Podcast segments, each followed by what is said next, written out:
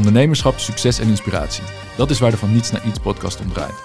In deze podcast gaan wij, Ari en Youssef, in gesprek met succesvolle ondernemers om geïnspireerd te raken door hun verhaal. In deze reeks nodigen we voor elke aflevering een ondernemer uit met een multiculturele achtergrond, die van niets iets moois heeft gemaakt. We luisteren naar verhalen en gaan op zoek naar gebeurtenissen en details die zorgen voor succes. Wil je op de hoogte blijven van nieuwe afleveringen? Abonneer je dan nu in Spotify en volg ons op YouTube. Yes, yes, yes, lieve luisteraars. Welkom bij een nieuwe aflevering van de Van Niets naar Iets podcast. Vandaag zitten we in de studio met Manisha Nabizada. Zij is de oprichter van uh, Queen Tarzi, een uh, cosmetica merk. Het gaat op dit moment heel goed met Manisha. Dat is niet altijd het geval geweest. Uh, ze is op 12-jarige leeftijd Afghanistan ontvlucht, samen met haar familie. Omdat daar een oorlog gaande was. eigenlijk direct na aankomst in Nederland ja, is proactief aan de slag gegaan om zichzelf en haar ouders trots te maken. Uh, ze studeerde aan uh, de Universiteit van Amsterdam. En uh, ja, tijdens haar studie kwam ze er eigenlijk al achter dat ja, het ondernemerschap haar meer ligt dan het werknemerschap, om het zo maar te zeggen. En zodoende startte ze zes jaar geleden Queen Tarzi op. En daar gaat het nu supergoed, supergoed mee. het bedrijf timmert hard aan de weg. Ze hebben superleuke klanten zoals uh, als ik het goed zeg. Uh, maar ze liggen onder andere ook in de schappen van uh, 300 uh, Issy Paris winkels. Dus dat is super mooi. En inmiddels heeft Manisha de zolderkamer van haar ouders, waar ze ooit begon, ingeruild voor eerst een groter kan kantoorpand. En inmiddels een nog groter kantoorpand. Ja. Dus dat is ook super positief. al met al ja, een goed voorbeeld van, ja, van iemand die van niets iets succesvols heeft kunnen maken. En ik denk ja, dat het tijd wordt dat Manisha ons lekker gaat inspireren. Ja, superleuk. Bedankt dat ik hier mag zijn. Ja, welkom. Welkom, welkom in de in onze podcast. Leuk om je hier te hebben. En uh, zoals Youssef al zegt, ik denk een, hele een heel interessant verhaal. Uh, daar gaan we in het komende uur achter komen hoe dat, uh, hoe dat zich precies ja, heeft gevormd. Ja. Maar eerste vraag, wat wilde je worden toen je klein was, Manisha? Um, nou, ik denk dat ik op het moment dat ik naar Nederland kwam al gelijk wel echt het idee had van ik moet laten zien dat ik iets moet kunnen doen. Dus dat ik eh, niet alleen de maatschappij, maar ook mijn ouders, die echt letterlijk alles hebben achtergelaten. Mm -hmm. En ik heb het vaker gezegd, maar uh, mijn ouders hoefden niet te vluchten omdat ze bijvoorbeeld geen eten hadden. Maar het was, er was gewoon echt oorlog. Mm -hmm. en, um, en alles achter moeten laten met niks hier naartoe komen, maar ook gewoon je, je fijne leven daar achter moeten laten. Uh, dat vergt best wel veel van je. Mijn moeder was in een depressie terechtgekomen, mijn vader ook. En ik was de oudste, dus ik moest het een beetje oplossen. En op dat moment denk ik, is er bij mij een knop omgegaan van um, ik ga laten zien dat ik uh, iets van mijn leven ga maken hier. Toen al? Toen al. Ja. En, het en hoe was, oud was je toen? Uh, ik was twaalf. Twaalf. Ja, ja, dat was. Ik, ik, als ik nu ook met psychologen praat, want ik heb natuurlijk uh, burn-out gehad, en dan gaan ze een beetje terug van ja. hoe is het gekomen dat je dit, uh, dat je je zo voelt, en maar hoe komt het ook dat je continu je wil, jezelf wil bewijzen? Mm -hmm. En dan gaan ze een beetje naar de trauma's van het verleden kijken, en dan zie je inderdaad wel echt dat het toen al een, wel, wel een beetje is begonnen met continu het hoogste haalbaar halen. Ja.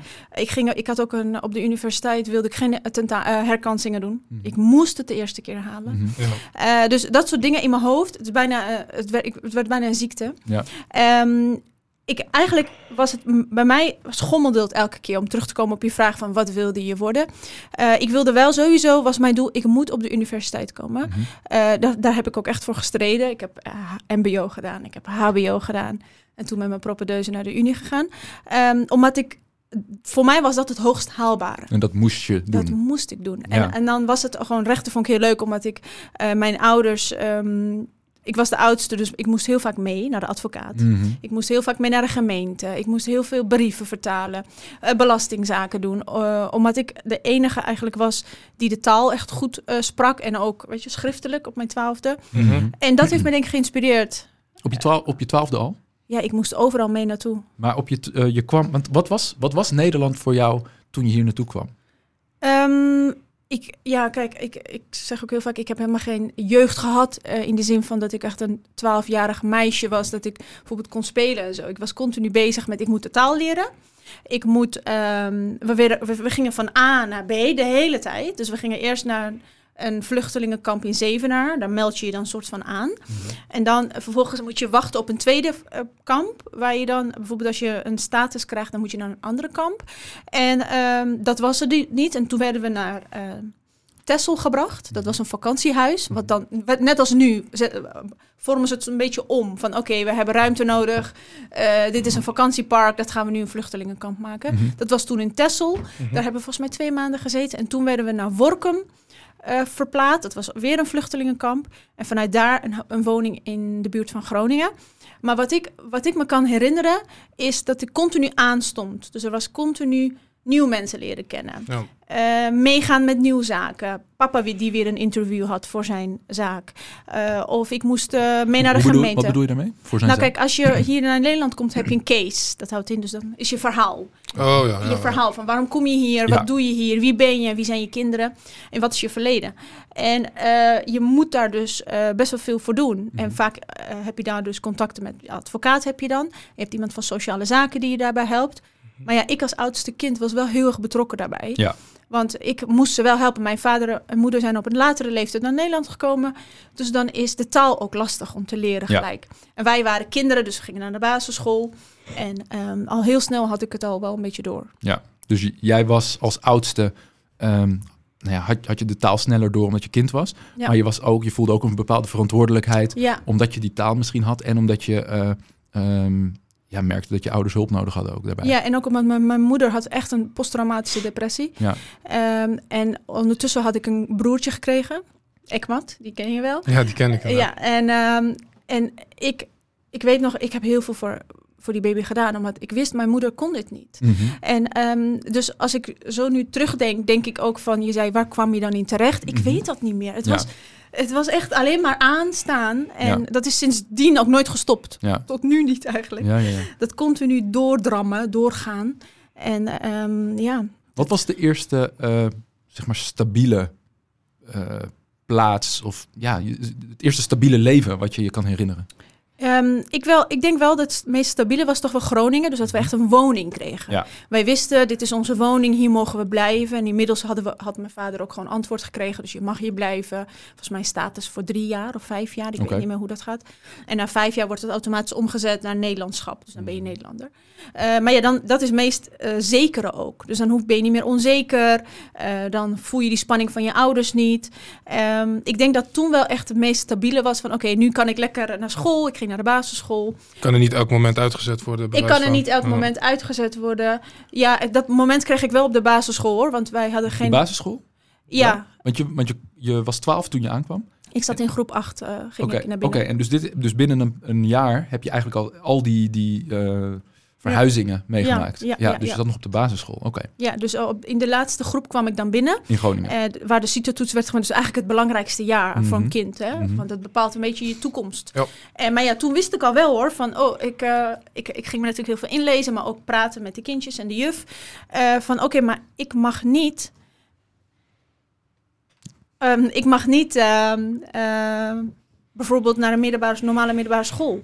Eh, weet je, dat, die gesprekken kwamen dan al aan bod. En ehm, dat was denk ik het eerste moment dat ik een beetje ging be- beslissen van wat ga ik met mijn met de toekomst doen? Wat Ja. ga ik doen nu? Ja. Wat is, wat is, het is nu aan mij en mijn broertjes en zusjes volgen mij. Ja, en je, ja, je, je, je wordt er natuurlijk ook, je wordt natuurlijk wat extra gedwongen Ja, om erover na te denken ten opzichte van andere kindjes die allemaal een soort gelijke achtergrond hebben en gewoon een soort Ja. van stroom zitten.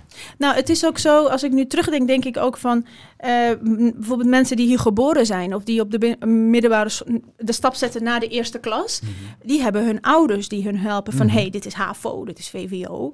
Ik, wij wisten stukje het niet. begeleiding. Ja. Ja, die stukje begeleiding hadden wij niet. Maar dat kan je mijn ouders ook niet kwalijk nemen. Want ze kennen het hele schoolsysteem in Nederland. Want hoe heb jij uiteindelijk de keuze gemaakt? Ik had Ja. geen keus. Oké.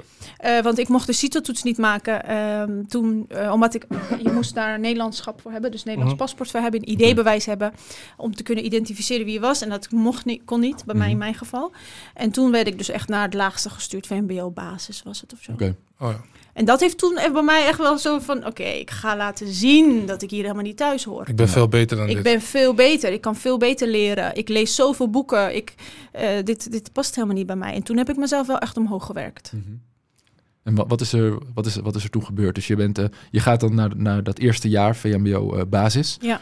Ehm, ja, je, krijgt, je krijgt opdrachten die je waarschijnlijk wel, wel door hebt. Ja. Ja, hoe, hoe, hoe was dat voor jou? Want dan zit je, dan zit je ver onder je niveau. Wat, hoe, hoe is dat voor je? En wat voor een, eh, eh, relatie krijg je daardoor bijvoorbeeld met je docenten? Nou, ik, ze hadden het al wel snel door. Mhm. Dat ik bijvoorbeeld, ik nam ook met toetsen, na- eh, ik nam nooit boeken mee naar huis. Mhm. Ja, de- ze lagen altijd in mijn kluisje. En ehm, ik, ik, ik deed helemaal geen moeite. Er was echt, het was zo easy wat daar, wat, wat daar geschoold werd.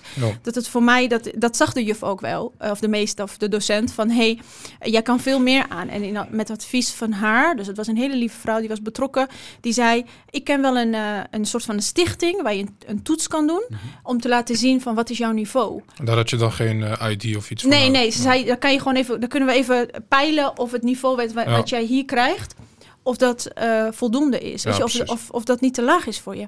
En toen ben ik dus naar zo'n, ehm, naar zo'n ik weet het niet meer, het was heel lang geleden natuurlijk, naar zo'n eh, bedrijf geweest. En die hebben toen een soort van eh, toets bij mij afgenomen. Mhm. Om te kijken wat is mijn daadwerkelijke niveau, schoolniveau.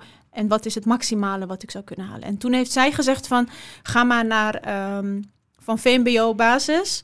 Ga maar gelijk naar niveau 4 MBO in plaats van niveau 2. Want normaal moet je naar niveau 2 gaan. Ja. Mhm. Dus toen heb ik doktersassistenten gedaan. Niveau 4. En eh, toen ik dat had behaald, heb ik HBO gedaan. Welke? eh toegepast psychologie. Mhm. En een jaartje propedeuse gehaald. En toen ben ik naar de Unie gegaan. Oké. Dus ik heb het. ik- En welke opleiding heb je, ben, je, ben je mee gestart aan de Unie? eh, eh, rechtsgeleerdheid. Mhm. En toen in het derde jaar fiscaal recht. Oké. Dat kan dan aan de UvA. Maar eh, dat, het, kijk, ik zeg ook altijd, je komt er wel. Als je het wil, kom je er wel. En daar is dan misschien een, een omweg. Er leiden meerdere wegen naar Rome. Er leiden meer we- meerdere wegen naar Rome. Je komt er sowieso. Alleen het duurt wat langer. En dat is zonde, in mijn geval dan. Want ik had er veel sneller kunnen komen. Als ik bijvoorbeeld die CITO-toets had kunnen maken. Ja, waar had je sneller kunnen komen? Op eh, de, mijn einddoel. Op- Dus VMBO, VWO kunnen doen. Ja, En met mijn VWO-diploma gewoon naar de Unie kunnen gaan. ja. Maar nu heb ik een omweg. een hele omweg. Een omweg, ja. Maar, eh, maar op een bepaalde manier is het ook je, je pad. Zie je dat ook Ja. zo? Ja, zeker. Ik denk ook dat ik... Ik ben ook super dankbaar dat ik die pad heb bewandeld. Want door het, door het pad wat ik heb bewandeld... eh, was mijn leven wel makkelijker dan een regulier student. Mhm. Zeg ik dat goed? Want eh, ik heb mbo gedaan. Met die Mhm. diploma heb ik echt een heel mooi baantje gekregen. Nou, dat is een hele praktische opleiding. Ja, ik heb, je, ik heb bij de doksas, eh, do- als doksassistente gewerkt bij de huisartsenpost. Echt vijf jaar lang. mhm. Triageassistent. Je kent het Mhm. wel. Je belt en dan... Dat is de poort, die laat jou binnen of niet. Mhm. Ja. Eh, nou, dat verdiende supergoed. Dat Terwijl ik- je studeerde. Terwijl ik studeerde, Ja. dat deed ik nachtdiensten Ja. dan. Ja. En ik had ondertussen ook een kind, dus we hadden wel wat te voeden thuis. Ja. En een huurhuis. ehm, en mijn man was ook student. Ja. Dus, eh, ik, ik, dus de, wat jij heel mooi zegt, soms ehm, is, is het pad niet hoe je het hebt eh, voor ogen had, maar de pad die je hebt bewandeld heeft je uiteindelijk wel heel veel gebracht. Ja. Want je bent, ik heb gewoon heel veel, ook toen ik naar de Unie ging, had ik gewoon wat meer ervaring dan een student die net van de VWO Ja, komt. natuurlijk. Kijk, en ik, ik denk dat wij in een tijd leven en in een cultuur leven waarin ehm, ehm, mensen vaak niet al te veel nadenken, Ja, maar gewoon doen wat. ehm, s- Er opgelegd wordt. nou, wat, ja, het wat, systeem, wat, wat, eh, het, wat het voorschrijft. systeem, wat de maatschappij naar waarde acht. ja, ja. ja. En wat eh, schat de ma- eh, maatschappij na- naar waarde? Nou ja, het hoogst haalbare niveau zo snel mogelijk Ja. doen. Ja. En ehm, ik denk dat, eh, dat dat om te beginnen verkeerd is. Want wat je al ziet nu, is dat we in een land leven met wat vol met communicatiewetenschappers zit. Maar we komen is loodgieters te, Ja, ja. tekort. Als jij nu loodgieter wordt, dan ga je echt goed verdienen. Ja, want er is gewoon, je kan gewoon, eh, ja, je hebt meer klanten dan je aan kan. Ja, ja. Ehm, terwijl als je communicatiewetenschapper bent, ja, eh, weet je wel, wat, wat betekent dat nou echt? Dus eh, en dat is denk ik ook wel een, een soort van mindshift die we als maatschappij moeten hebben. Van ja, wat, is nou, wat heeft nou echt waarde? Weet je, moeten we puur kijken naar wat is het moeilijkste eh, of het hoogste niveau als je kijkt naar de hiërarchie op, een, op, een, eh, op school? Of moeten we misschien op een andere manier kijken? En ik denk dat dit een heel goed voorbeeld is. ja. Want inderdaad, eh, als jij als doktersassistent kan werken naast je opleiding, Dat is gewoon HBO-opleiding, volwaardige werk. dan doe je iets wat, wat en nuttig is en waar je echt heel veel van leert. En Mhm. daarnaast ben je nog steeds aan het groeien. Ja, en, Ja. Het, en het was ook echt als student zijn, als ik dat vertelde aan mijn vriendinnetjes die bijvoorbeeld gewoon eh, aan het studeren waren of op school zaten nog. eh, wat ik verdiende was supergoed. Ja, Waardoor ik dus heel veel kansen kreeg ook. Ook het ondernemerschap, dat kon ik doen omdat ik dat ernaast deed. ja. Want ik was niet bang. Ik had een soort van backup van hé, hey, ik kan. ehm, ik ben getrouwd, ik heb mijn eigen leven, mijn man is getrouwd. Ik wil geen geld vragen van anderen. Wij hebben voor dit leven gekozen. Eh, ik wil het zelf voor elkaar boksen. Ja. Dus dan wilde ik gewoon heel graag gewoon ook. Ik ga werken bij de huisartsenpost. Ondertussen toen dat ondernemerschap een beetje kwam kijken. Van oké, ondertussen kan ik een beetje gaan kijken van hé, hey, ehm, wat, wat valt daar te halen? Ja. Vertel daar eens over, over dat ondernemerschap. Want je, je, je bent, um, je hebt je, je mbo, mm -hmm. doktersassistenten behaald. Je bent aan het werk. Je bent daarna uh, toegepaste psychologie uh, mm -hmm. het eerste jaar in ieder geval aan het doen. Maar op welk moment kwam dat spelen en hoe kwam dat eigenlijk? Hoe werd dat onderdeel van je leven? Nou, inmiddels zat ik op de Unie, eerste, uh, okay. laatste jaar. En dat was dan, um, ik, ging, ik was zwanger, hoogzwanger. Was juli. En mijn zoontje zou dus eind juli geboren worden. En toen heb ik mijn scriptie nog gedaan. En toen dacht ik, nou weet je, Manisha, je bent al zo lang aan het strijden. Continu sta je aan, continu weer, weet je wel, die halen, dat halen. Uh, ga er een jaartje tussenuit. En uh, overleg met de studentendecaan. Die zei ook van het lijkt mij echt verstandig. In welk jaar was dit? En hoe, Laatste jaar. En hoe oud was je toen? Weet je uh, dat is vijf, vijf, jaar geleden. Okay. Uh, dus um, en toen zei ik van, um, toen zei die studentendecaan van, dat lijkt me verstandig. Ik had ondertussen ook een kind hè, thuis, dus mm -hmm. dit was mijn tweede. Ah, oké. Okay. De tweede was op komst. Tweede was op komst. Okay. Uh, dus die studentendecaan die zei van, ja, je hebt al, weet je, die vorige zwangerschap was ook uh, tijdens je studie. Je hebt bijna niet genoten van je kind. Ga er gewoon een jaartje tussenuit. Dat is echt niet erg. Jouw loopbaan is anders dan een student die hier zit. Kijk, jij werkt al. Ja. Um, en toen ben ik een jaartje tussenuit gegaan, dacht ik. Maar ik had altijd wimper extensions tijdens mijn zwangerschap, omdat het gewoon makkelijk is. Ja. Je, je, wordt wakker en je hebt van die lange wimpers. Ja, is dat uh, makkelijk? Ja, je hoeft niks te doen. Ja, oké. Okay. Uh, dus ja, beetje net als wij. Ja, ja, ja, ja. beetje zoals jullie, ja. Nee, maar je, je, bent dan, weet je wel, je hebt dan een beetje lange wimpers en um, dat was echt ideaal. Uh, vervolgens, um, na de zwangerschap, na de bevalling, dacht ik, ik, uh, ik was student, laat ik ze gewoon verwijderen. Dus ook elke drie weken moet je er toch ook echt wel tijd voor vrijmaken. Ja. En um, toen heb ik ze verwijderd en toen zocht ik wimpers wat uh, ik in de tussentijd kon dragen om het te overbruggen, zodat ze weer normaal zouden groeien. Okay. Want die wimper extensions zorgen ervoor dat je wimpers heel kort worden. Ah, dus je, je bent eigenlijk hooked aan de system. Ja, ja, ja, ja, ja, ja, ja, ik greep mis. Ja. Uh, dus, en toen zag ik dat in Nederland was er bijna niks wat er in Amerika was, wat er in al die andere landen te koop was. Dat waren een beetje 3D-wimpers, uh, wat super mooi was. Mm-hmm. Makkelijk plakken, hergebruik te gebruiken. En uh, de lijm was fantastisch. Toen dacht ik, dit is een gat in de markt. Ik moet hier gewoon onderzoek naar doen. Terwijl ik ondertussen moest rusten. Maar ja, dat, dat zit ja, je had je sabbatical natuurlijk. Ja, ik had mijn sabbatical. Mhm. Maar ja, ik ging dan niet, ik, ik, dat kon niet bij mij of zo. Mhm. Dus toen ben ik op onderzoek uitgegaan. En toen was uh, mijn zoontje inmiddels al bijna zes maanden. Toen ben ik naar Hongkong gegaan. Heb ik, ben ik in gesprek gegaan met leveranciers. En toen terugkwam, echt binnen vier weken had ik de nieuwe eerste samples. En zo is het eigenlijk het balletje gaan rollen. En het is ook heel low-key begonnen. Ik weet nog uh, hoe ik verkocht was gewoon via Facebook. Vroeger was, vijf jaar geleden was Facebook echt helemaal booming. Ja. Uh, mensen gingen live. En dat deed ik dan in groepen, in die damesgroepen. Mhm. En dan ging ik live en dan ging ik uh, laten zien hoe je wimpers moest plakken. Nou, dat was een hit. Ja. Um, en er gingen ook voor heel veel vrouwen uh, um, iets open van... wow, dit is mooi. Ik Ja. hoef geen mascara te dragen. Ik plak ze en het is klaar. Ja. Ik denk dat er voor eh, heel veel kijkers ook een eh, wereld open gaat van eh, wauw. Want jij zegt even tussen ne- neus en lippen door van ja, toen ben ik even naar Hongkong gegaan. Ja, Je had een zoontje van, Zes van, van zes maanden. En, die heb ik meegenomen, ja. Oh, die heb je meegenomen. Ja, die heb ik nou, meegenomen. ver- vertel ons eens van dat avontuur. Ja, maar dat is, kijk, het is, ik ben al inmiddels vaak naar Hongkong geweest hoor. Mhm. Maar het is, ehm, eh, ik ben iemand, ik doe het gewoon. Ja. Als ik iets in mijn hoofd heb, dan wil ik dat gewoon zo snel mogelijk doen. Want eh, ik ben bang dat ik dan, dan zeg ik altijd, dan doet iemand anders het wel. En dan ben ik weer te laat met mijn Ja. droom. Eh, dus ik, ik, ik heb gewoon de stoute schoenen aangetrokken. Ik denk, ik doe toch een jaar niks. Je, ga- hebt, je, had een, je, had een, je hebt een, een man thuis. Ja, klopt. Je hebt dus een, een, een Een- oudere zoon. nog een zoon, ja. En, en dus daar, ga je- bleven, ja. daar, daar zeg je tegen van... Hey, kijk, ik heb die, eh, die, deze extensions gezien. Dit is volgens mij een gat in de markt. Ja, Hoe, hoe, hoe, hoe is dat, hoe is dat ge- gegaan van dat idee... nadat je op een gegeven moment in Hongkong zit... met, met een, eh, een, een zoontje van zes maanden? ja dat is omdat ik leg dan contact met leveranciers. En Ja. ik vind het dan ook heel fijn om te daadwerkelijk te zien wie zijn ze, wat Ja. doen ze, hoe doen ze het. Ja. Dus ik zei van ja, oké, ik kan dit doen, ik kan dit bestellen, ik kan dit laten maken, Mhm. hoe ik het wil hebben. Je kon alles veranderen, je kon de vorm veranderen, je kon de dikte veranderen.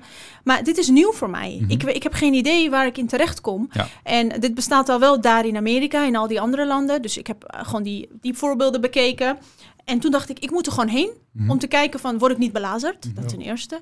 En ten tweede, wat zijn de mogelijkheden? Maar ook om de leverancier gewoon even in het oog eh, Ja, te precies. kijken En of dat ze vind ik heel fijn. Dat doe ik altijd. Ja. Dus ook, nu zitten we heel veel met leveranciers in Europa, maar ik Mhm. ga er altijd heen. Ja. Ehm, van oké, wie zijn dit? Wie ben ik? Wat, wat zijn mijn plannen? En het was ook niet zo dat ik opeens dacht, ik ga straks eh, bij de grootste retailer liggen. Ik dacht, ik ga gewoon proberen, we zien wel. Ja. Want het was, zo- ik, ik was ook gewoon aan het werken hè, bij de huisartspost. Mhm.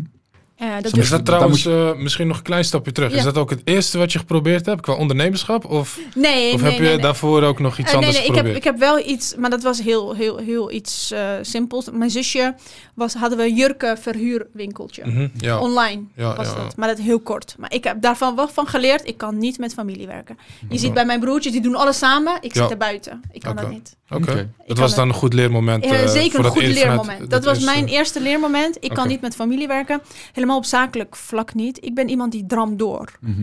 En iemand anders wil soms ook rust. En dat zit er bij mij soms niet in. Dus ik, eh, dat kan ik niet. Maar dat was inderdaad mijn eerste. Oké. Ja. Dus daar, daar, daar zag je dat ondernemerschap al terugkomen? Ja, klopt. En mijn vader is natuurlijk ondernemer. En Oké. mijn broertjes en zo. Dus Dus ik, het zit sowieso in het bloed? Ah, 100 procent. Volgens mij zit bij ons niemand, ook mijn ooms, niemand zit in. Eh, Oké. niemand. Ja, ja, ja. Wij zijn allemaal ondernemers. Nee, maar eh, ik weet nou niet meer waar ik aan... Nou, je zit op een gegeven moment dus Ja. in, in Hongkong met, Ja. de, met de, de zoontje. Je gaat, je- ik denk bij, bij leveranciers ook, want Ja, je, hebt ja. geen, je hebt geen oppas of zo. nee, nee, nee, ik neem het Dus je neem neemt, gewoon hem, mee. je neemt hem gewoon lekker mee. En, ehm, en, en, ja, en op een gegeven moment heb je, heb je niets door. Je zit, je, je zit in het vliegtuig terug. Wat, eh, wat was je idee toen? Nou, ik was eh, toen ik in het vliegtuig... Want jij komt daar en dan zie je al die merken die zij maken. Dus toen ging er al een hele wereld voor mij open van... Wauw, dit is wel geweldig. En je ziet ook merken die je herkent. Mhm. Eh, ik zal daar geen namen noemen, maar gewoon eh, namen die je denkt... Oh, dat ken ik van Ja, Instagram. Dat, dat denk je wel van zo. Dus er is wel echt veel mogelijk. ja, er is heel dat veel had je mogelijk. vanaf je computer niet kunnen zien Nee, natuurlijk. daarom. Ja. En, eh, en ook een stukje vertrouwen. Ja. En dus dan denk je, wauw, er is echt heel veel mogelijk. En ook van, oh, dit is wel, dit is wel goed. Dit, Ja. dit klinkt goed. En ik was in de eer, zij, ah, ja, zij verwachten veel van jou omdat je uit Nederland komt. En ik, oh, dat, daar komt miljoenen uit. Ja. Terwijl ik maar echt een paar, paar honderd had besteld in de eerste keer. Dat was echt niks. Maar het is wel, je hebt wel gelijk een beter beeld. Mhm. Dus dat is heel belangrijk dat je ook die persoon in het echt ziet. Dus toen ik terugkwam heb ik gelijk samples besteld. En zo is het balletje gaan ook. Ik heb gewoon de samples verkocht eigenlijk. Want in de eerste instantie kan je geen logo erop doen. Ja, een sticker. Mhm. Ja. Maar je bestelt geen duizenden. Dat zul jij Ja, wel het kost heel herkennen. veel geld, ja. Het Ja. kost heel veel geld. Dus dat durfde ik niet aan. Ik heb echt de eerste order was 600 euro. Mhm. Ehm, omdat ik zei van ik wil 10 van die, 10 van die en 10 van die. En dan plak ik mijn logo er gewoon op zo. En met zo'n, eh, het was een plastic verpakking had ik. Mensen die mij vanaf het begin volgen zullen het ook wel herkennen. Mhm. Het was een plastic verpakking, acrylverpakking, die voor iedereen besteld kon worden. Dus iedereen kon het bestellen. Dat, daar hadden ze massa van. Mhm. Vervolgens zei hij van, ja, je kan dan je logo erop doen. En dat was nog niet het logo van Queen Tarsi nee, volgens dat mij, was toch? Lash Queen. Lash dat was Queen, de zo heette het eerst. naam. Ja, Ja, dat was de eerste naam. Dus en in die stickers plakten we er gewoon zelf op. Ja. Mhm. Dus dat was eigenlijk, ehm, heel veel mensen geloven het ook niet. Van zo weinig en dan heb je dit nu. Nou, je bent wel ergens begonnen. Tuurlijk. Tuurlijk. Op dat moment stelde het niet veel voor. Maar als je elke cent omdraait. ja. Dus Mark Zuckerberg is ook op de zolderkamer begonnen, toch? Ja, Uiteindelijk. Zo begint Ja. iedereen. Ja. Dus uiteindelijk start je met een, eh, eh, een ja, je, je samples. Ja. Je had een logo ergens besteld of gemaakt. Ja, die logo hadden we, had, ik, had ik besteld. Ja, kun je gewoon online bestellen. Ja, precies. Mhm. En dan plak je dat erop. En, en hoe verkocht je het? Via? Via Facebook. Via Facebook, via die groepen ook. Nou, ik ging live in Facebookgroepen. En dan eh, deed ik voor hoe je wimpers moest plakken. Mhm. En vrouwen waren zo enthousiast. En dan elke keer... Ik had ook een soort van Facebook-pagina gemaakt. Dus dat je kon bestellen. Maar ik had geen webshop. Ja. Eh, dus eh, op het moment dat ik eh, wel een webshop had... Dat was gewoon echt zo'n WordPress, eh, zelf in elkaar gesleuteld iets. Ja. Super slordig, geen algemene voorwaarden, helemaal niks. Mhm. Ehm, kwamen daar één of twee bestellingen per week binnen. En dan zag ik dat ik te weinig bestellingen had. Ging ik even live. Ja. Ja, om En het dan kwamen er weer acht Ja. pushen. bestellingen. Ja, ja. En zo heb ik eigenlijk een marketing ook een beetje geleerd. Van hoe Ja. werkt dat? Want ik heb er geen opleiding voor gedaan. Ja. Eh, later natuurlijk wel boeken en zo gelezen. Maar in de eerste instantie, je, je probeert iets, het lukt. En je denkt, oké, hier moet ik meer van doen. Mhm. En dat ging ik dan. Mooi. En dat is dus, eh, dat doe je dan naast je studie, Ja, je, eh, de opvoeding van je kinderen. Ja. En, eh, Je job. En, en je job nog ja steeds. precies. Ja, ja, ja. En, en dan, ook dan, dan, dan ontwikkelt zich, nou oké, je hebt een nieuwe, een nieuwe levensstijl. Een, ex- een extra eh, paar uur van je, van je week die je daaraan besteedt. Hoe, hoe, hoe is dat ontwikkeld vanaf daar? Op, op, welk, op welk moment dacht je van, hé, hey, wacht eens, ik moet hier in doorpakken? Eh, dat was op het moment, ik ging, eh, ik ben altijd heel erg, door, ik denk over alles na. Dus ik voor mijzelf, ik moet altijd alles uitstippelen. Wil ik iets, bijvoorbeeld daarom ging ik ook naar Hongkong. Ik wilde Mhm. het zeker weten, dit is iets. Want ik Mhm. ga hier, al is het 600 euro, ik ga hier wel in investeren. Ehm, en dus ik op het moment dat ik zag dat mijn huisartsenpostinkomen net zo veel was als wat ik binnenkreeg met mijn business, ben ik gestopt met huisartsenpost. Mhm. Want ik dacht, ik moet nu wel keuzes maken. Ja. Want anders, en, en kan niet meer. Het is nu zo druk eh, dat ik beide niet meer aan kan. Wat zei de huisarts? Eh, de huisartsenpost, ja, ik was daar natuurlijk gewoon als bijbaantje. Mhm. Ze vonden het wel super jammer, Ja. eh, want ik was natuurlijk wel goed. nee, eh, maar het was, het was echt een leuke baan. Ik vind nog steeds mis ik het soms wel. Ja. Gewoon, weet je, de deur achter je dicht doen en klaar. Ja, ja, ja, ja, een ander stel. Een ander stel. Ja, dus dat mis ik absoluut. Maar ehm, ze, ik denk, al die dames volgen mij nu ook. Dus dat vinden ze wel leuk om te zien dat Ja. ik... Ja, dus. Nou, misschien is er nog een plekje op, eh ik denk nu sowieso met de eh, hele corona. Ja, ja, ja. Ja. Dat er genoeg Absoluut. werk is. Dus op een gegeven moment eh, ja, gaan de samples hard over de band, als Ja. het ware. Als Ja. warme broodjes. Ja. Dan ga je naar de volgende fase van het bedrijf.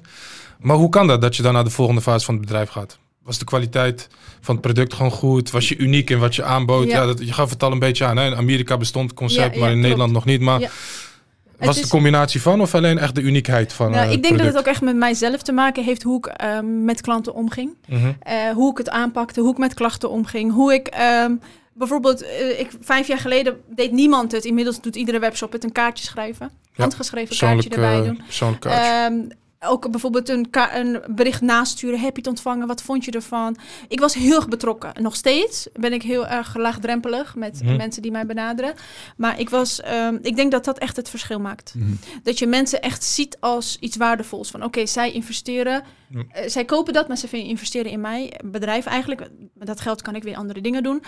Dus en dat zag ik vanaf het begin. Ja. Ja. En ik denk dat dat echt heel belangrijk is voor elk bedrijf. Ja, dus het is een beetje een combinatie van de branding, die een beetje aan jezelf hebt Ja, gekoppeld. De ja. aftersales, die extreem goed is. Ja, ja. Ehm, het product zelf is gewoon van goede kwaliteit. En dat Ja. zorgt, die hele cocktail zorgt er eigenlijk voor. Ja, en toegankelijkheid moment, ook. toegankelijkheid. Dus niet, eh, sommige mensen die, die doen heel erg van... oké, ik blijf op de achtergrond. Ik, ik, mij, m- ze moeten niet weten wie ik ben. Ja, Weet je, ja, dat is een beetje Ja, in het je begin... moet- je moet een bedrijf zijn. Je En- moet een en bedrijf, geen- je moet groot mens. zijn. Ja. Ja. Eh, je moet eh, fake it till you make it. Maar ik deed dat dus niet. Nee. Ik deed Mhm. heel real. Ik deelde het als het niet lukte. Mhm. Ik deelde als ik eh, weer iets fout had gedaan. Als wat niet lukte. Bijvoorbeeld, ik, had, ik heb wel eens een order binnengekregen later, hè, eh, in de fase waarin, waarin ik wel go- goed geld had om grote orders te doen, Mhm. dat er iets helemaal verkeerd kwam. Bijvoorbeeld, eh, de ENN-code was verkeerd. Nou, dan moet je dus die hele stik, alles gaan omstikkeren. Ja, Weet je, dat soort dingen, dat heb ik vanaf het begin gedeeld. En dat heeft denk ik ook voor de groei gezorgd. Want mensen, ik betrek mensen erbij. Nog steeds, met alles wat ik doe. eh, welke lippenstiftkleur vinden jullie mooi? Welke mascara vinden jullie fijn? Ja. En dat ehm, zorgt ervoor dat ze ehm, betrokken worden. Dat Ja. ze het gevoel hebben dat ze iets te zeggen hebben binnen Ja, mijn Dat bedrijf. het, dat het ook hun, een beetje hun bedrijf is. Ja, dat ze ze hebben eigenlijk- invloed. Ja, ze, hebben, ze zijn meegegroeid. Ja, precies. Ehm, en dat, ik heb echt klanten die zijn er vijf jaar. Die, ik herken hun naam zo uit duizenden. Die Ja. mij nog dagelijks berichtjes sturen van... Hey, ik heb dit gekocht, oh zo leuk. Eh, maar dat komt gewoon... Ik, ik hoop dat ik dat nog lang kan doen. Ja. Dat weet je natuurlijk niet. Als Ja. het heel groot wordt, ja, dan is het onmogelijk. ja, ja. Want je hebt maar zoveel uur op een dag. Mhm. Maar ik hoop wel dat ik dit nog zo lang mogelijk kan doen. Dat Ja. je... Dat die, weet je, betrokkenheid van de klant is zo belangrijk. Ja, ja, ja, zeker. Op een gegeven moment, eh, ja, je, je begint dus met een webshopje. Je gaat af en toe live op Facebook om de orders te boosten als het ware, als je een slechte dag hebt. Maar wat is dan de volgende stap? Eh, wat, eh, wat ben je vervolgens gaan doen toen je wat grotere orders kon inkopen, wat meer van marketing ja, toen ging het eigenlijk een beetje vanzelf. Want mensen gingen het, omdat het een uniek product was op, op dat moment, eh, mensen gingen het ook aan hun vriendinnen aan, doorgeven. En, eh, dus het was een heel veel mond-op-mond reclame. Mhm. Ehm, en eh, inmiddels ehm, was ik dus ook eigenlijk passief geld aan het verdienen. Ja. Ik hoefde niet meer live te gaan. Die acht orders die ik in mijn hoofd had per dag, die kwamen wel, zonder dat ik live ging. Ja. Ehm, dus Want dat, was een, want dat was een doel achter nou, ja, dat was Ja? mijn doel. Want ik dacht, als ik dat haal, dan haal ik de huisartsenpost inkomen. Oké, Ja, dat precies. was het. Ja. Dus dan eh, hoef ik me geen zorgen te maken. Ja. En ik weet nog wel dat ik, eh, eh, dan pakte ik dat gewoon thuis in. En dan ging, liep ik naar, naar de brievenbus om dat in te leveren. Bij Een het. PostNL pakketpunt. En dan belde ik mijn moeder vet trots op van... Mama, ik heb gewoon vandaag weer acht orders. En ik heb er niks voor gedaan. Eh, hoe fijn is dit? Ik kan gewoon met mijn kinderen zijn. Ja. Eh, ik hoef niet te werken. Tenminste, ik zag het dan misschien niet als werk, maar het was Nou, die, die, werk. die acht pakketjes inpakken, daar ben je een uur mee bezig maximaal. ja, maar, ja, eh, precies. Ik hoef niet actief heel erg Mhm. hard ja, te werken. ja, ja, ja. Eh, en dat was denk ik echt het keerpunt ook voor. en ik, En- moet hier, En wat, wat wilde je op dat moment? Hoe, wat, wat voor een visie had je van de toekomst? ik wilde heel graag bij een winkel liggen. Ja. En dat heb ik ook, dat ges- die gesprek heb ik ook heel vroeg gevoerd. Mhm. Toen hebben ze mij niet serieus genomen. Hoe groot was je toen je de gesprekken bent Ja, een eh, opgestart? Niks. Je, je Ik, stond een ging, ik zat daar met die eh, grote mensen eh, in pak te praten en ik had niet eens een presentatie. Ja. Nee, hoe, kwam, hoe kwam het dat je met die mensen in pak aan het praten was? Hoe, wat heb je, hoe kwam Ik heb je, ze gewoon een, ik heb een, je hebt ehm, eh, een, eh, je had een website met ideeëndag of zo. En toen heb ik me daar aangemeld. Ik weet niet meer precies wat het was. Maar er was, ze zochten nieuw product en toen heb ik me daar aangemeld. En ehm, Wie ze? Eh, eh, de, ma- mag ik hier namen noemen? Ja, je mag alles zeggen wat Oh, je wil. uh, AS Watson, dus dat is dus de, je kent het vast wel, dus van Ja. Kruidvat en al die andere. Eh, ze hadden zo'n dag dat je je ideeën door kon sturen. Oké. Eh, en dat heb ik toen gedaan. Mhm. En eh, toen was ik daar op gesprek gekomen. Eh, ik dacht dat het, ik wist het toen niet eens. En wat was de droom toen? Wat, wat, wat dacht je van, ja, ik wil gewoon... Ik wil gewoon in een winkel liggen. een ik wil winkel. dat het toegankelijk wordt voor iedereen. Ja, Dus niet dat ze mo- moeten eh, shoppen via mijn webshop, maar dat er veel meer mogelijk is. Dat als jij eh, een product van mij wil, dat je eventjes naar de winkel kunt lopen. Ja. Ja, precies. En dus dat was mijn doel. En eh, toen eh, heb ik een nee gehoord. Toen zeiden ze nee, eh, het is eh, voor dit moment is het nog. Oh ja, ik weet niet meer wat precies. Ik heb die mail nog wel, moet ik eigenlijk een keer opzoeken, is wel leuk. Mhm. eh, om te kijken waarom niet. Eh, Mhm. Maar het was, dat was dus toen geen succes. Ik snap nu achteraf ook wel, als we nu in gesprek gaan met een partij, weet ik wel hoeveel voorbereidingen het nodig heeft. Ja. Ik ging daar gewoon heen met mijn twee producten zo. eh, dit is van mij Ja. en ik wil hier zitten. Mhm. Was je nog niet klaar voor zo'n grote partij? Nee. Vonden zij dat? Nee, ik ook niet hoor. Ja, ja. Ik denk zelf persoonlijk ook niet. Want A.S. Watson, voor de mensen die luisteren, dat is de eigenaar volgens mij van Kruidvat, Easy Paris, Ja. Trekpleister. Ja, en nog eh, aantal. Prijsmapper. In Nederland dan in Ja, ieder in geval. maar wereldwijd hebben ze nog veel meer Ja, eh, klopt. Ja, wereldwijd. concepten die ze uitbouwt. Maar het was wel, het, ik, het, het is natuurlijk, het, het heeft toen niks opgeleverd, maar ik heb er wel van geleerd. Ja, Tuurlijk. precies, natuurlijk. Ja. Dus Maar wat deed was- het met je? Ehm, Toen, toen, ze, toen de mannen met pakken zeiden van, nee. Ja, ik kreeg een mailtje. Eh, toen was ik wel teleurgesteld, maar ik dacht, ik ga hier aan werken. Ik ga jullie, want later zijn, we, zijn ze erop teruggekomen. Ja. Dus Want dat je bent nog steeds die Manisha die ook voor het VWO-diploma wilde Ja. werken en per se Ja, ja, zichzelf ja, wilde bewijzen. Ja, ja, dus ik, Eh. het was, voor mij ging het toen ook wel van, oké, ik ga laten zien dat ik het wel kan. Zijn zij erop teruggekomen of ben jij erop teruggekomen? Nou, een beetje samen. Mhm. Want ehm, op dat moment... Ze eh, kenden je nog wel? Nee, Oh, dat niet. Eh, denk het niet. Ik denk nu misschien wel. Als het dezelfde mensen waren, dan hebben ze je wel Nee, onthouden nee. waarschijnlijk. Nee, nee, nee. Ah. Het was eh, dat, dat, dat concept wat ze hadden, dat was eh, ook voornamelijk voor de kruidvat bedoeld. Dat wist ik helemaal niet. Ik dacht, ik ga naar de IC. Mhm. Eh, maar zo voorbereid was ik ook, hè? helemaal niet.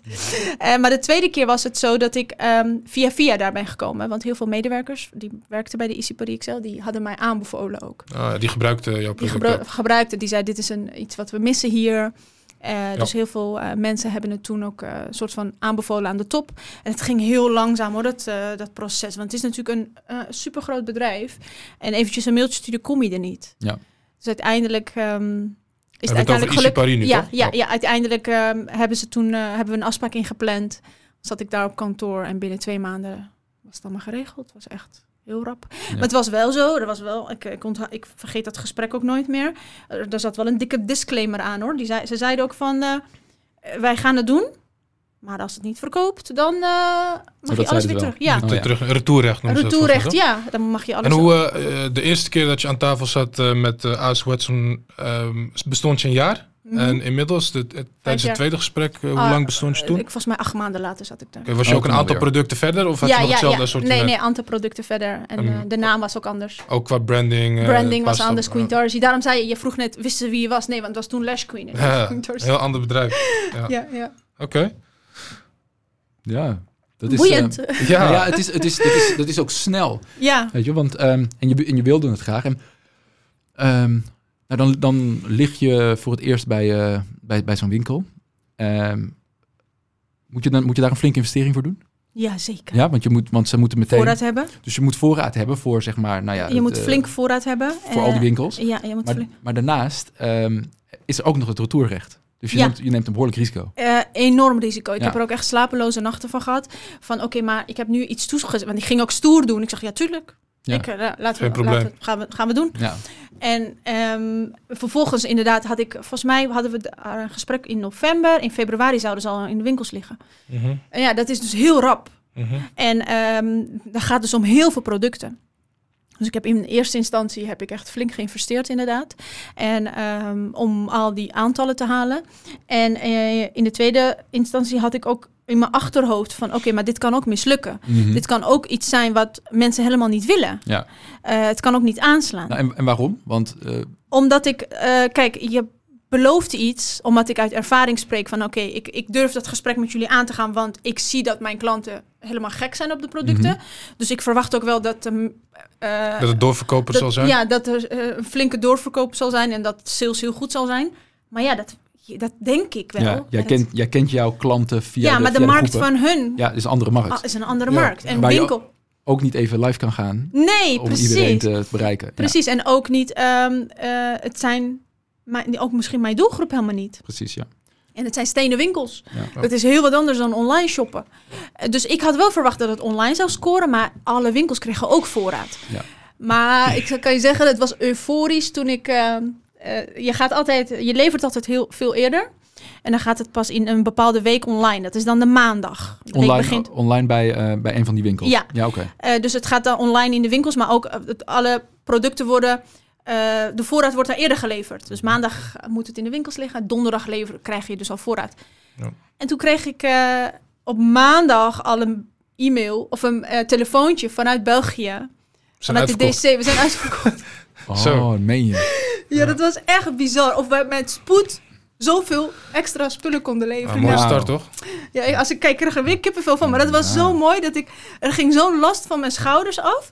Dat ik dacht, wow, dus ik kan het wel. Ja, Ik kan dit Maar wel. kon je de tweede batch meteen weer inkopen? Want eh Ja, die had ze hebben ik. Ik natuurlijk een had voorraad. betaaltermijn volgens mij, toch? Een betaalperiode. Ze betalen niet altijd Nee, direct de klopt, grote een maand, bedrijven. maand hebben ze Maar je had het geld wel weer binnen om uiteindelijk Nee, nog ik een had grotere... voorraad. Gewoon. Oh je, oh, je had nog voorraad. Ah, ik had gewoon voorraad, gelukkig. Oh. Ja, dus je had, je had een, een, een risico genomen ja. met die badge. Ja. Maar je was al wel zo eh, eh, ambitieus dat je daarbij ook nog voorraad had. ja, ja, ja, ja. en, ik, en voorraad genoeg voor, voor, zo, Ja. voor de retail ook. ja, ja, Oké. ja, ja. Met hoeveel winkels ben je toen begonnen? Want Ici Paris is tegenwoordig Eh, heel groot 156 winkels in. Nederland. in Nederland. Ja, dus het is... Maar op dat moment was het... ehm, ik, ik was zo euforisch. Dat gevoel van, oké, ik lig daar. Je dacht er niet eens over na wat er Mhm. mis kon gaan. Ja, Mhm. tuurlijk kan er, mis, kan er wat misgaan.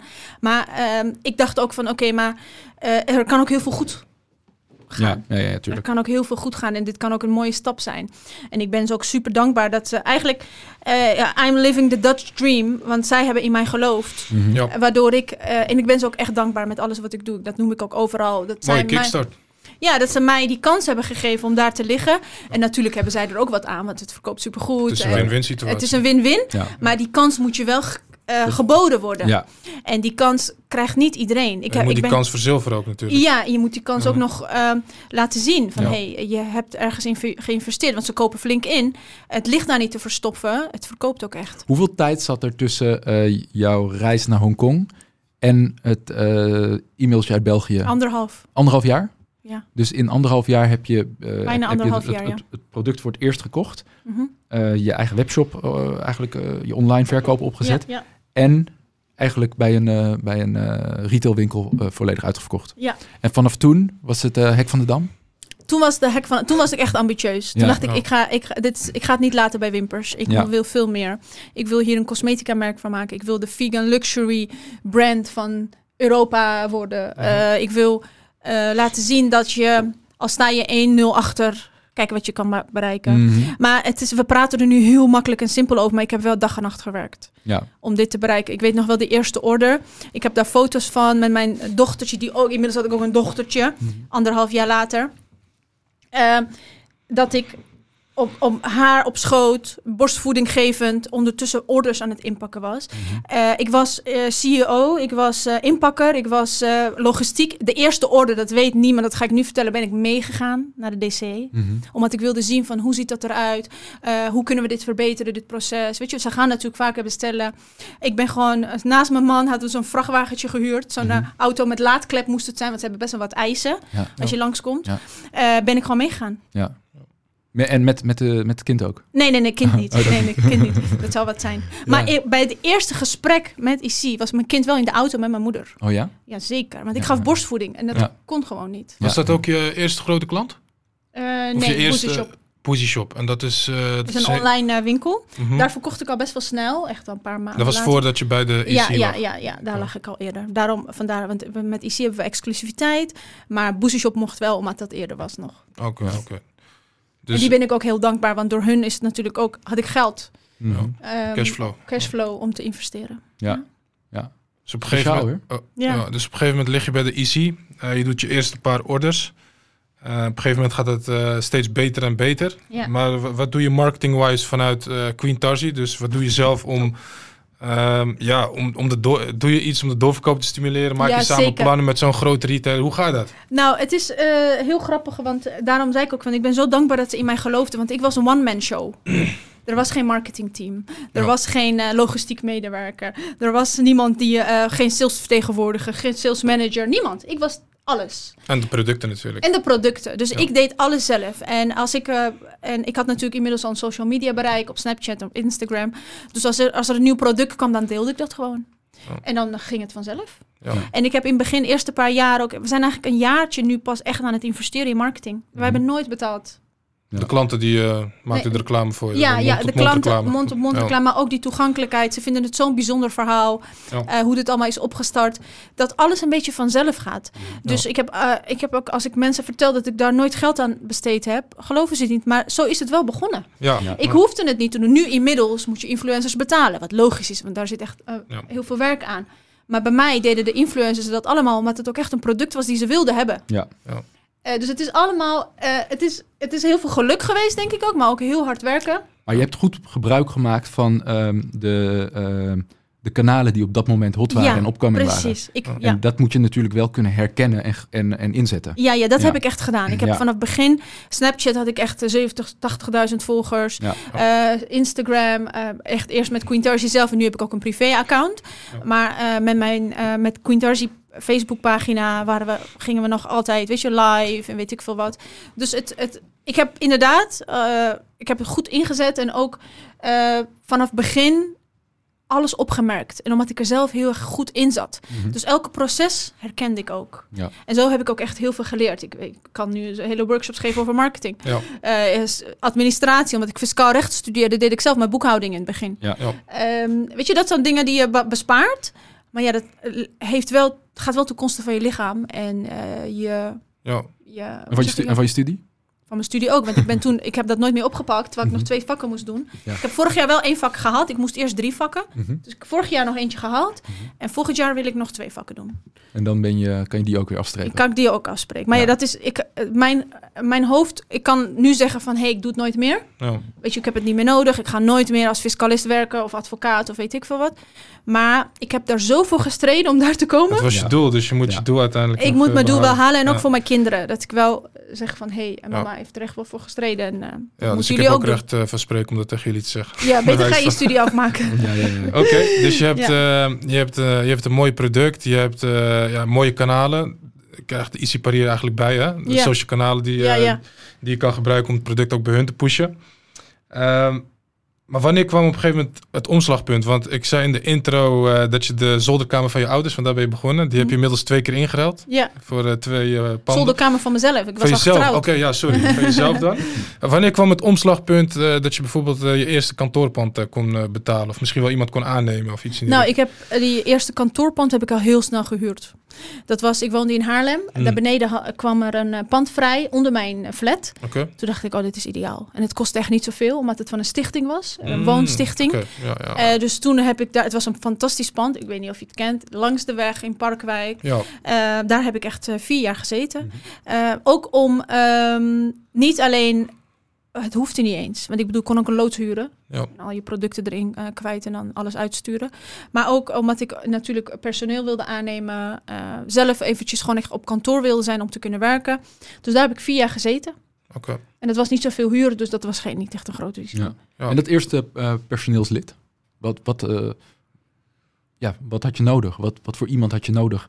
Om Eh, assistent. Een assistent Ja. voor eigenlijk handjes voor van ja, alles. Ja, ja, ja, handjes voor van alles. Dus eh, ik, ik, op dat moment was het zo dat mijn budget niet zo groot was dat ik zou zeggen van, oh, ik ga daar iemand voor aannemen. Ik ga daar. Dat was voor nog eh, dat het bij IC lag. Hè? Mhm. Dus dat ik dacht van, ik ga daar iemand voor aannemen. Nee, ik moest dan iemand hebben die alles kon doen, net als Mhm. ik. Ja.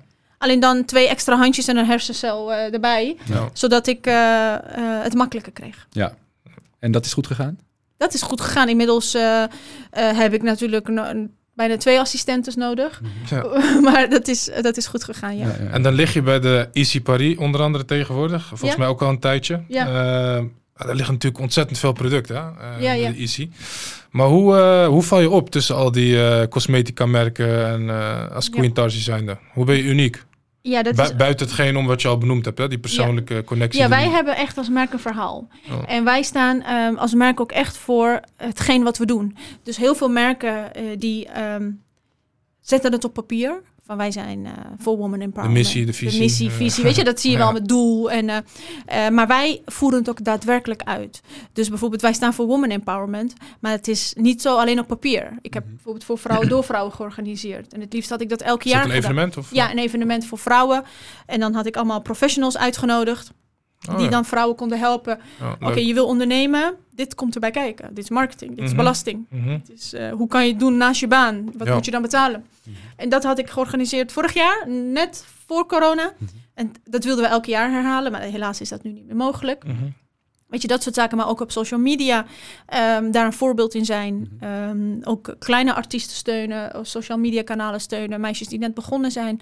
En ik ook, ik geef heel vaak tips. Ja. Eh, ik help heel veel vrouwen ehm, om datgene te doen waar ze eigenlijk van dromen, maar de stap niet durven te zetten. Ja. Ja. En dat is dus echt dat extra ding wat wij met ons merk doen, is dat net dat stukje meer. Ja, dat sociale aspect, dat, Dat lieve, sociale, dat maar elkaar ook- helpen. Ja, precies. Ja. En maatschappelijk betrokken zijn. Ja, dat vind ik zo belangrijk.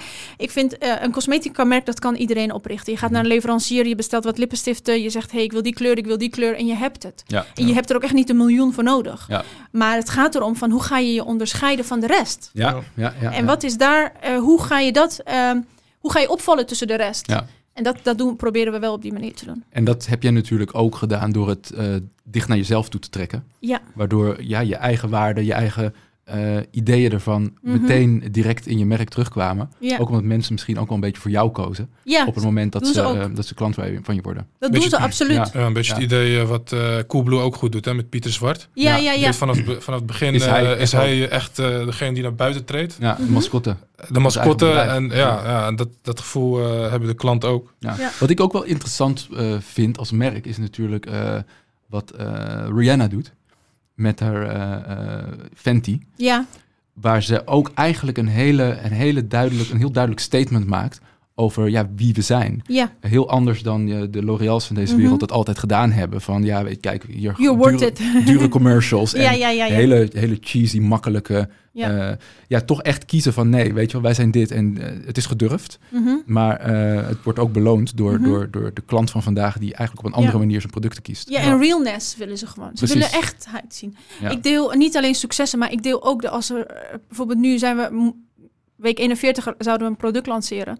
We zitten inmiddels bijna op week 43, volgens mij. Mhm. Eh, 44. En het is er nog steeds niet. Mhm. Maar ja, ondertussen heb ik het wel do- doorgecommuniceerd naar de IC. Heb ik het doorgecommuniceerd naar alle verkooppunten. Ja. Eh, zij, wij hebben reclameuitingen gekocht voor duizenden euro's. Mhm. Eh, dat loopt allemaal door. Wat voor reclameuitingen zijn dat? Nou kijk, als je ergens ligt bij een, retailer, dan moet je bijvoorbeeld uitingen kopen. Mhm. Je wil in een schap eh, wil je een mooi flyer of je wil een, eh, een, een uiting online via e-mailmarketing. Ja. Maar ja, dat heb je wel. Je doel was dat product komt in week 41 uit. Dus in 41 koop ik dat in, want dat Ja. hebben jullie nog beschikbaar. Ja. Dat koop je in. Dus dat is een marketingplanning ook. Ja, marketingplanning die je inzet. En vervolgens komt het het niet, want bij de leverancier in Duitsland hebben ze een productiefout. Mhm. Een kwaliteitsprobleem. Ja. Waar zij ook weer niks aan kunnen doen. En door corona zijn die onderdelen super moeilijk te verkrijgen. Ja. Dus het is allemaal, heeft het allemaal met elkaar te maken. Maar ja, dat, dat is zoveel, ehm zeg je dat? Stress en zoveel. En dat neem ik mee in mijn social media. Ja, Ik laat mensen zien, hey, er zou iets komen, maar helaas is dat dus niet gelukt. Maar eh, als het komt, dan sowieso wordt het een knaller. Tegen Ja, wie zeg je dat dan? Ik maak daar een post over op social media. Ja, maar dus dat zeg je tegen je klanten. Tegen Tussen je... mijn volgers, tussen Ja. mensen die mijn producten gebruiken. Ja. Maar ook, eh, ik, ik spreek ook andere ondernemer, de vrouwen, ondernemervrouwen eh, veel vaak via social media. En dan zeggen ze, Manish, ik heb zoveel van jou geleerd. Ook bijvoorbeeld met mijn merk. Ze zei, ik heb geleerd door mijn merk gelijk te registreren. Want ja, dat had jij niet gedaan, waardoor jij je naam moest veranderen. Dus je, dat soort dingen. En dat Oh, ja. geeft heel veel ehm, Voldoening. voldoening. Maar Ja. ook, het geeft mij het idee van, oké, ik doe iets Een stukje terug. bevestiging ook. Dat, eh, Ik doe iets terug aan de maatschappij. Ja, ja, ja, ja, ja. Het is niet alleen maar geld verdienen, cosmetica. eh, maar het is ook nog echt een boodschap hebben. En ik hoop dat ik met Queen Tarsi, met mijn merk, een nog grotere boodschap kan doen. Of het nou politiek is, of het nou maatschappelijke betrokken eh, dingen zijn. Dus echt zaken die spelen in de maatschappij. Ja. Maar mensen weten niet hoe ze dat naar, eh, eh, naar het publiek over moeten brengen. Dat ik dat via mijn merk kan doen. Dat zou ja, zo fijn zijn. misschien wel aansluiten bij eh, de Partij van de Dier. Want tussen neus en lippen door eh, liet je net al weten. vegan luxury. Dus jouw producten Ja, klopt. sowieso Ja, geen ja. eh, dierlijke... nee, nee, Dat klopt. is, ne- neem ik aan ook een USP, toch? Ja, klopt. Dat Dus is ook echt wel iets wat je uniek maakt ten opzichte van... Absoluut. Ben je daar een van de weinige cosmetica merken in die ja, dat- het die wordt steeds meer gelukkig, omdat mensen, er is gewoon heel veel vraag naar. Ja, dat is ook een beetje de tijd natuurlijk. Het is een beetje de tijd. Ik ben wel een van de weinigen. Maar Ja. ik hoop dat het meer komt. Want ik vind dat je dierenleed niet nodig hebt om cosmetica te Mhm. maken. Ja, duidelijk. Dat zie je ook bij ons. Ik bedoel, je hebt fantastische producten zonder dat daar een, een dierlijk product voor gebruikt is. Ja. Ja, ja. Ja, ja. Mooi hoor. Heel mooi wat we allemaal tot nu toe horen. Als je het hebt over die, eh, die, die, die grotere boodschap die je misschien nog wel zou willen uitdragen met je merk Mhm. en met je, met je, met je persoonlijkheid. Wat, waar, waar hebben we het dan over? Is Ehm, dat dan, gaat het dan nog verder op die, de onderwerpen die je al op benoemd hebt, zoals weet je wel, women empowerment, mhm. eh, eh, dierenwelzijn? Of heb je ook nog andere eh, dingen waarvan je zegt, ja, daar zou ik op een dag iets in willen betekenen? Ja, oh, absoluut. Ja? Eh, Afghanistan, Mhm. dat, eh, daar kom ik natuurlijk vandaan. Mhm. Ik heb daar heel vaak inzamelingen voor gedaan. Maar ik zou zo graag mijn platform, maar ook mijn merk willen inzetten om daar iets te kunnen betekenen. Mhm. Voor de vrouwen daar of voor de kinderen daar. Een school bouwen met mijn community of een weeshuis bouwen daar. Dat, dat is mijn droom. Ja. Als de Taliban niet was gekomen, was ik in maart geweest. Oh ja. Eh, maar helaas is dat eh, toen niet doorgegaan. En toen wilde ik daar naartoe gaan om eh, iets op te bouwen. Al, alleen al om even grond te bekijken van hey, wat, wat zijn hier de mogelijkheden. Ja. Ja, dat is mijn droom, denk ik. En Ja. ook niet alleen daar, maar ook in Nederland zou ik zo graag andere vrouwen willen helpen. We hebben nu een fantastisch nieuw kantoorpand gekocht. Daar is heel veel ruimte. En daar willen we dus, als het kan, twee keer per maand van die avonden organiseren. Waardoor je dus vrouwen kunt uitnodigen. Of het nou ondernemers zijn, of eh, mensen in loondienst, of mensen die net gescheiden zijn en niet weten wat, wat ze moeten doen. Mhm. En dat we professionals uitnodigen en dan die vrouwen een beetje handvaten geven. Mhm. Eh, van hey, ehm, en dat hoeft niet, je hoeft iemand niet helemaal bij de hand te pakken en mee te nemen. Maar dat kan al heel simpel met bijvoorbeeld eh, als je gaat scheiden. Ik, bedoel, daar kies, je, daar kies je niet voor de lol voor. Mhm. Vaak kom je dan met echt een heel financieel probleem krijg je dan. Ja. Hoe kan je eruit komen? Hoe kom je uit die cirkel? Mhm. Vaak zitten vrouwen in problemen in Nederland omdat ze bijvoorbeeld nooit gewerkt hebben. Hun man hebben vertrouwd van hé, hey, hij werkt, ik, eh, ik zorg wel voor de kinderen. Mhm. Vervolgens gaan ze scheiden, maar die vrouw heeft niks opgebouwd. Mhm. Maar ehm, om daar uit te komen, je, zit, je komt in de schulden. Eh, je kan niet werken, want je hebt, je hebt een kind misschien, of je hebt nooit een cv opgebouwd, waardoor je dus nooit geld kan verdienen. Hoe Mhm. mooi zou dat zijn als we die vrouwen een opstapje kunnen geven? Bijvoorbeeld Ja. dat wij contact opnemen met bedrijven en zeggen, kan ze stage lopen? Mhm. Of bij ons stage lopen? Mhm. Kom maar leren en dan heb je al iets op je cv en dan kun je daarna doorgroeien. Ik denk dat dat wel echt mijn droom is om... eh, ik, ik, ik vind eh, make-up verkopen heb ik al wel een beetje gezien. En dat kan ik ook als de beste. Ik kan de mooiste producten maken. En dat zal ik ook altijd blijven doen. Mhm. Maar ik, wat mijn droom is toch wel het iets terugdoen. Ja, je hebt een hoger doel. En veel hoger doen. Ja. Dit is nog niks. Ja. En waarom, waarom eh, vrouwen in, in het algemeen? Waarom Omdat dat, ik vind dat dat de zwakkere, ehm, dat, die worden vaak, ehm, ehm, mannen zijn toch wat, niet alleen fysiek sterker, maar ook in de maatschappij. Dat zie je ook in Nederland. Mhm. Mannen verdienen meer dan vrouwen. Waarom is dat? Ja, waarom, waarom is dat? Ja, dat, dat vraag ik me ook Ja, af. Waarom ik, is dat? Ik, ik vraag me soms ook af. En er is natuurlijk altijd een discussie over. ja. Maar ik- Ja, ik, waarom weet, ik weet dat een, eh, een eh, antwoord op die vraag Mhm. is omdat mannen het vragen. ja, Dat is, dat is, een, dat is het makkelijkste antwoord. Dus mannen vragen gewoon sneller en vaker en eh, met meer zelfvertrouwen mhm. dat ze meer willen verdienen. Ja, maar ook omdat vrouwen. ehm, wij vrouwen moeten elkaar ook daarin helpen. Daarom is mijn doel ook van, oké, maar ik ga jullie laten zien. Ik neem ook mensen aan. Ga altijd in onderhandeling. Ja. Je eerste bod hoef je nooit te accepteren. Ja. Je kan altijd een tegenbod doen. En het wil niet zeggen dat als jij tegenbod doet, dat die persoon zegt, je komt helemaal niet meer binnen. Je bent niet aangenomen. Mhm. Nee, dan ga je maar weer terug naar je. Als je echt daar wil werken en het, er is echt geen budget voor extra, dan kan dat niet. Maar ga het wel altijd proberen. Over het algemeen krijgen we er toch juist, een, juist ook wel een beetje respect voor. Absoluut. Het feit dat je die... Absoluut, dat zeggen wij ook. Ja. dat zeggen wij ook Ja. altijd. Van, het is fijn dat je voor jezelf opkomt. En dat, dat ga je straks ook toepassen in mijn bedrijf. Als je Ja. in onderhandeling bent met een leverancier of met een nieuw een klant, dan moet je altijd in Ja. eh, eh, onderhandeling gaan, vind ik. Ja. En eh, vrouwen doen dat te weinig en waardoor we dus eh, in de maatschappij die, het verschil ook zien. Maar laten we daar nu eh, Dat duidelijk is- over spreken. Dat is voor de deel nee, 2 nee, nee. podcast. ja, Deel ja, ja, ja, ja, ja, ja. Nee, ik, heb, ik heb altijd in mijn... in de, in de salesfuncties die ik heb gehad, Ja. heb ik altijd als ik vroeg om een eh, eh, om opslag of om een, een beter salaris, dan zei ik er altijd bij. En als ik, als ik dit niet eens erbij zou kunnen onderhandelen, dan zou ik me niet eens aannemen als ik jou was. Oh, wauw, ja. Ja, weet je, snap je? Ja, ja, ja. Om ze ook een soort van klem te zetten. Ja, Van, ja, ja, ja. weet je wel, inderdaad. Je, Want dat is die wel waard. dit, dit, dit vraagt hij omdat hij het moet vragen. En zo'n werkgever die denkt dan ook van hey, eh, hij, zal, hij of zij zal ook voor de belangen van mijn bedrijf opkomen tijdens de gesprekken die Ja, hij of zij moet moet laten zien voeren. dat je, dat je het spel Ja, kent. je ken- je moet het spel kennen, ja. Weet je, en dan wordt het, dan wordt het En misschien, leuker misschien zijn mannen daar over het algemeen. Nee, maar ma- mannen zijn gedurfder Ja, daarin. Durven, gebied. die Ja. durven op dat gebied meer. Maar dat is ook omdat we klein zijn gehouden. Mhm. Wij vrouwen zijn ook klein gehouden. Eh, Ja. Doe maar normaal, dat doe je al gek genoeg. En helemaal in het bedrijfsleven. Het is echt een mannenwereld, lijkt Ja. het wel. En nou, ik heb alleen maar vrouwen in dienst. Dus de- Ja, ja. En de potentiële nieuwe assistenten die moeten zeker deze aflevering luisteren. Die Dus, hebben eh, gisteren een deal mee gesloten, dus oh, dat is klaar. oh, dus Nou, oké, dat onderhandelen. maar die dat, heeft eh, wel, gedaan, wel onderhandeld. Nou, Oké, mooi, mooi, mooi, mooi. We gaan ehm, naar een snelle rubriek, waarin Ja. we jou even een aantal stellingen voorleggen. Oké. En dan mag je gewoon eh, snel op antwoorden. En dan eh, met, eh, met een kort antwoord Mhm. mag je ze daarna duiden. Oké. Ja? Oké, dan gaan we. Komt de eerste vraag. Eh, in welk ander land zou je willen ondernemen? Eh, Duitsland. Als je, meer, als je maar twee uur per week aan je bedrijf zou mogen werken, wat zou je dan doen? Productontwikkeling. Met welke persoon zou je een kop koffie willen drinken? Ehm, Oeh, dat is wel een hele lastige. Mm, ik denk met Huda Beauty. Huda Beauty. Ja, dat is toch wel echt een voorbeeld. Ja. Ja. Je zegt, ehm, als je maar twee uur zou werken aan je bedrijf, dan zou je productontwikkeling. Waarom productontwikkeling?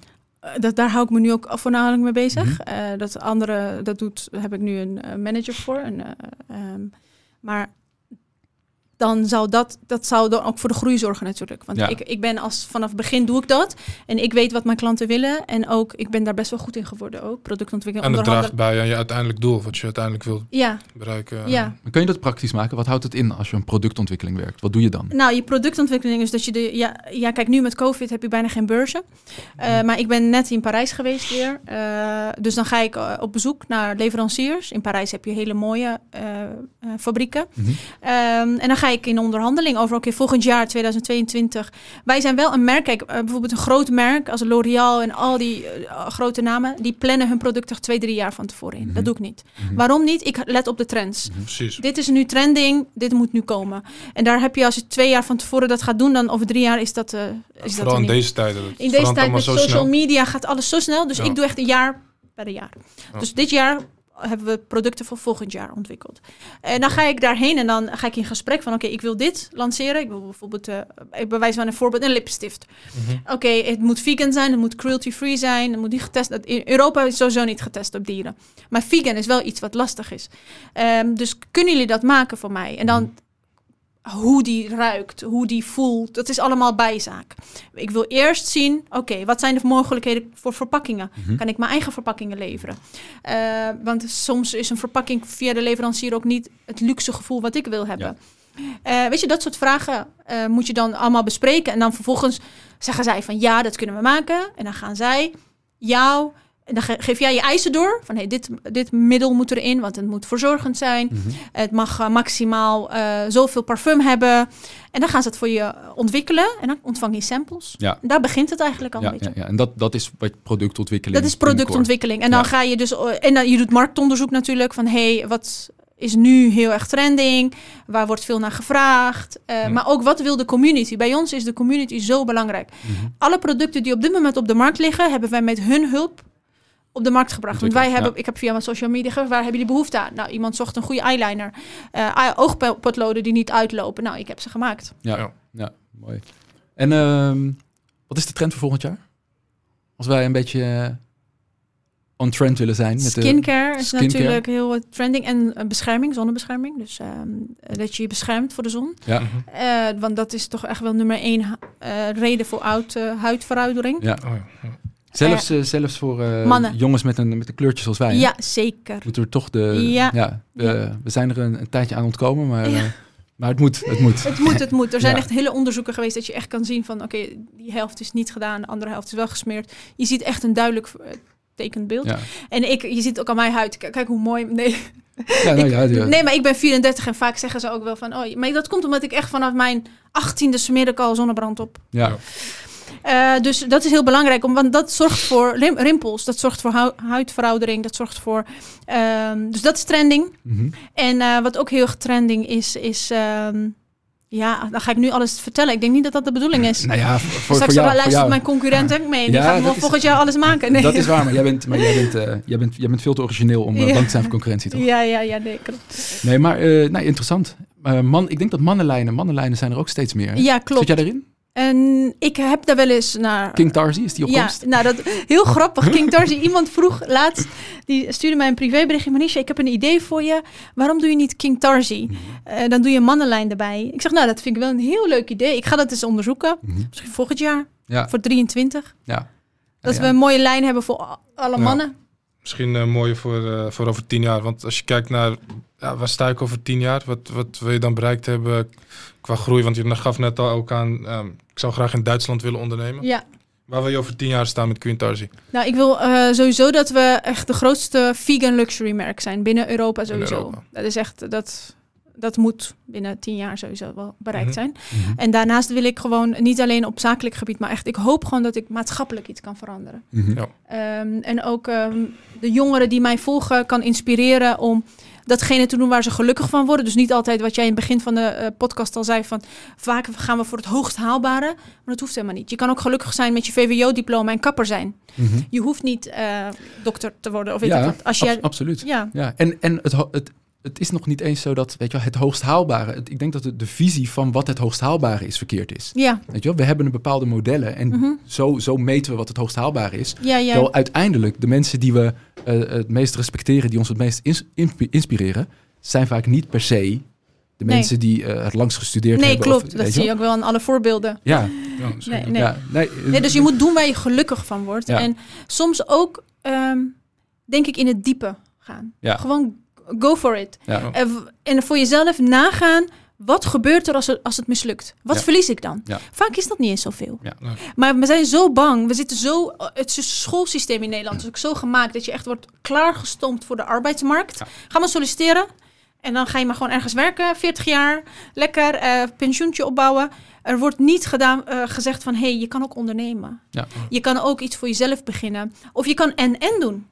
En dat is dus al waar, waar het fout gaat. En ik hoop gewoon dat de jongeren die nu luisteren, maar ook mij volgen, eh, inzien dat er veel meer is om te kunnen doen dan alleen heel simpel een 9-5 baantje. ja. Ehm, en ja, ik hoop het. ja, ik denk dat eh, je eigenlijk, eigenlijk onze, onze laatste vraag al beantwoord. Maar ik ga hem alsnog nog een keer stellen, zodat je hem eh, met, met, met, met passie nog een laatste keer kan beantwoorden. Dat is welk advies zou je me- meegeven aan mensen die willen ondernemen, ehm, zien dat, ze een, een, dat er een ander leven voor ze is, Mhm. maar toch het gevoel hebben dat ze vastzitten in hun, in hun, eh, in hun baan, in hun routine. Dagelijkse sleur. Ja, Ehm, wat ik zou willen meegeven is, ehm, je hoeft het ene niet op te geven voor het andere. Ga gewoon parttime ondernemen. Als je bijvoorbeeld echt een fantastisch idee hebt, eh, ga sowieso beginnen, want dan doet iemand anders het anders. Ben jij te laat? Mhm. Eh, maar gewoon doen en kijken waar het, waar het naartoe gaat. En ook eh parttime werken, parttime ondernemen of fulltime werken, parttime ondernemen. Als, als je succesvol wil zijn in dit leven, moet je soms eh sacrificing. Ja. Je moet dingen opgeven. Je kan niet eh, vier uur Netflix en daarnaast ook nog eens heel goed zijn op, op je werk, al is het in loondienst. Mhm. Je kan niet ehm, alleen maar uitgaan met je vrienden, uit eten, dit en dat, dure kleding kopen, maar ondertussen ook willen sparen. Dat gaat niet. Mhm. Dus je moet het ene opgeven voor het andere. En als jij echt een beter leven voor jezelf wil, dan moet je dat voor jezelf eh, zo neerzetten van oké, ik moet deze opofferingen doen. Ik moet deze zaken echt niet meer doen om dat andere te kunnen behalen. En dat gaat niet over één dag ijs. Dat gaat soms over maanden, jaren, totdat je datgene hebt bereikt. Maar als je er eenmaal bent, ik zeg altijd, de vruchten zijn echt lekker als ze eenmaal uit die boom eh, Ja. geplukt kunnen worden. Maar je moet Ja. iets wel planten. Ja. Je moet dat zaadje wel Ja. planten. En daarvoor moet je kiezen. En daarvoor moet je kiezen. Je kan niet. we- we- wij willen helemaal nu in deze tijdperk. Als ik zie op social media, word ik soms echt verdrietig van wat ik zie. Mhm. Mensen willen alleen maar. Ik wil de mooiste auto. Ik wil de duurste kleding. Eh, ze hebben 700 euro loon, maar kopen schoenen van 1800 euro. Mhm. Eh, De rest lenen ze bij de bank. Maar waarom? Voor Mhm. wie? Voor wat? Mhm. En dat komt gewoon door social media. We willen te veel, maar we willen niet dingen opgeven. Ja. En dus ik, mijn advies zou zijn, echt absoluut, ga bij jezelf na. Wat is dat stukje wat ik niet meer moet doen om dat anderen te kunnen behalen? Ja. Ja. Ja, ja, ja. Ergens Maar op nu- focus. Ja. Ja, sorry. Ik wilde zeggen, ehm dankjewel. Ja, jullie Het is, bedankt. het is een ongelooflijk, ongelooflijk verhaal dat je met ons hebt gedeeld hier in, eh, in, een- in een klein uurtje. Ja. Ehm, ik ben echt onder de indruk van je, eh, van je energie, van je eh, visie, van je, van je passie. En, eh, en, en zeker ook van de ambitie die je hebt van eh, alle dingen die je nog wil. We gaan je blijven volgen. En Ja, eh, hartelijk bedankt voor je komst. ja, jullie bedankt. Graag gedaan. En als leuk. afsluiter voor alle luisteraars, waar kunnen de mannelijke en vrouwelijke luisteraars jou vinden? Op, ehm, Social media? ja, op Manisha. at- nee, Manisha laagstreepje QT. Dus, eh, en dan eh, Manisha met een ZH. Ja, en als ze de producten willen kopen, kunnen ze terecht op welke, ja, welk op, platform? ba- op onze eigen website queentarzi.com of op bij de Isipari of de Boozy Shop. Maakt eigenlijk niet zo uit. Of Instagram Queen Tarzi. Ja, Instagram Queen Tarzi. Helemaal Volgend jaar. King Tarzi. En volgend jaar King Tarzi. Dan kom ik weer praten. Dan, eh, Ja. dan is het zaadje hier geplant. Exactly. Nou, top. Inderdaad, dankjewel voor je tijd. Het was super Ja. inspirerend. En eh, Jullie luisteraars, Dankjewel. yes, luisteraars, tot de volgende.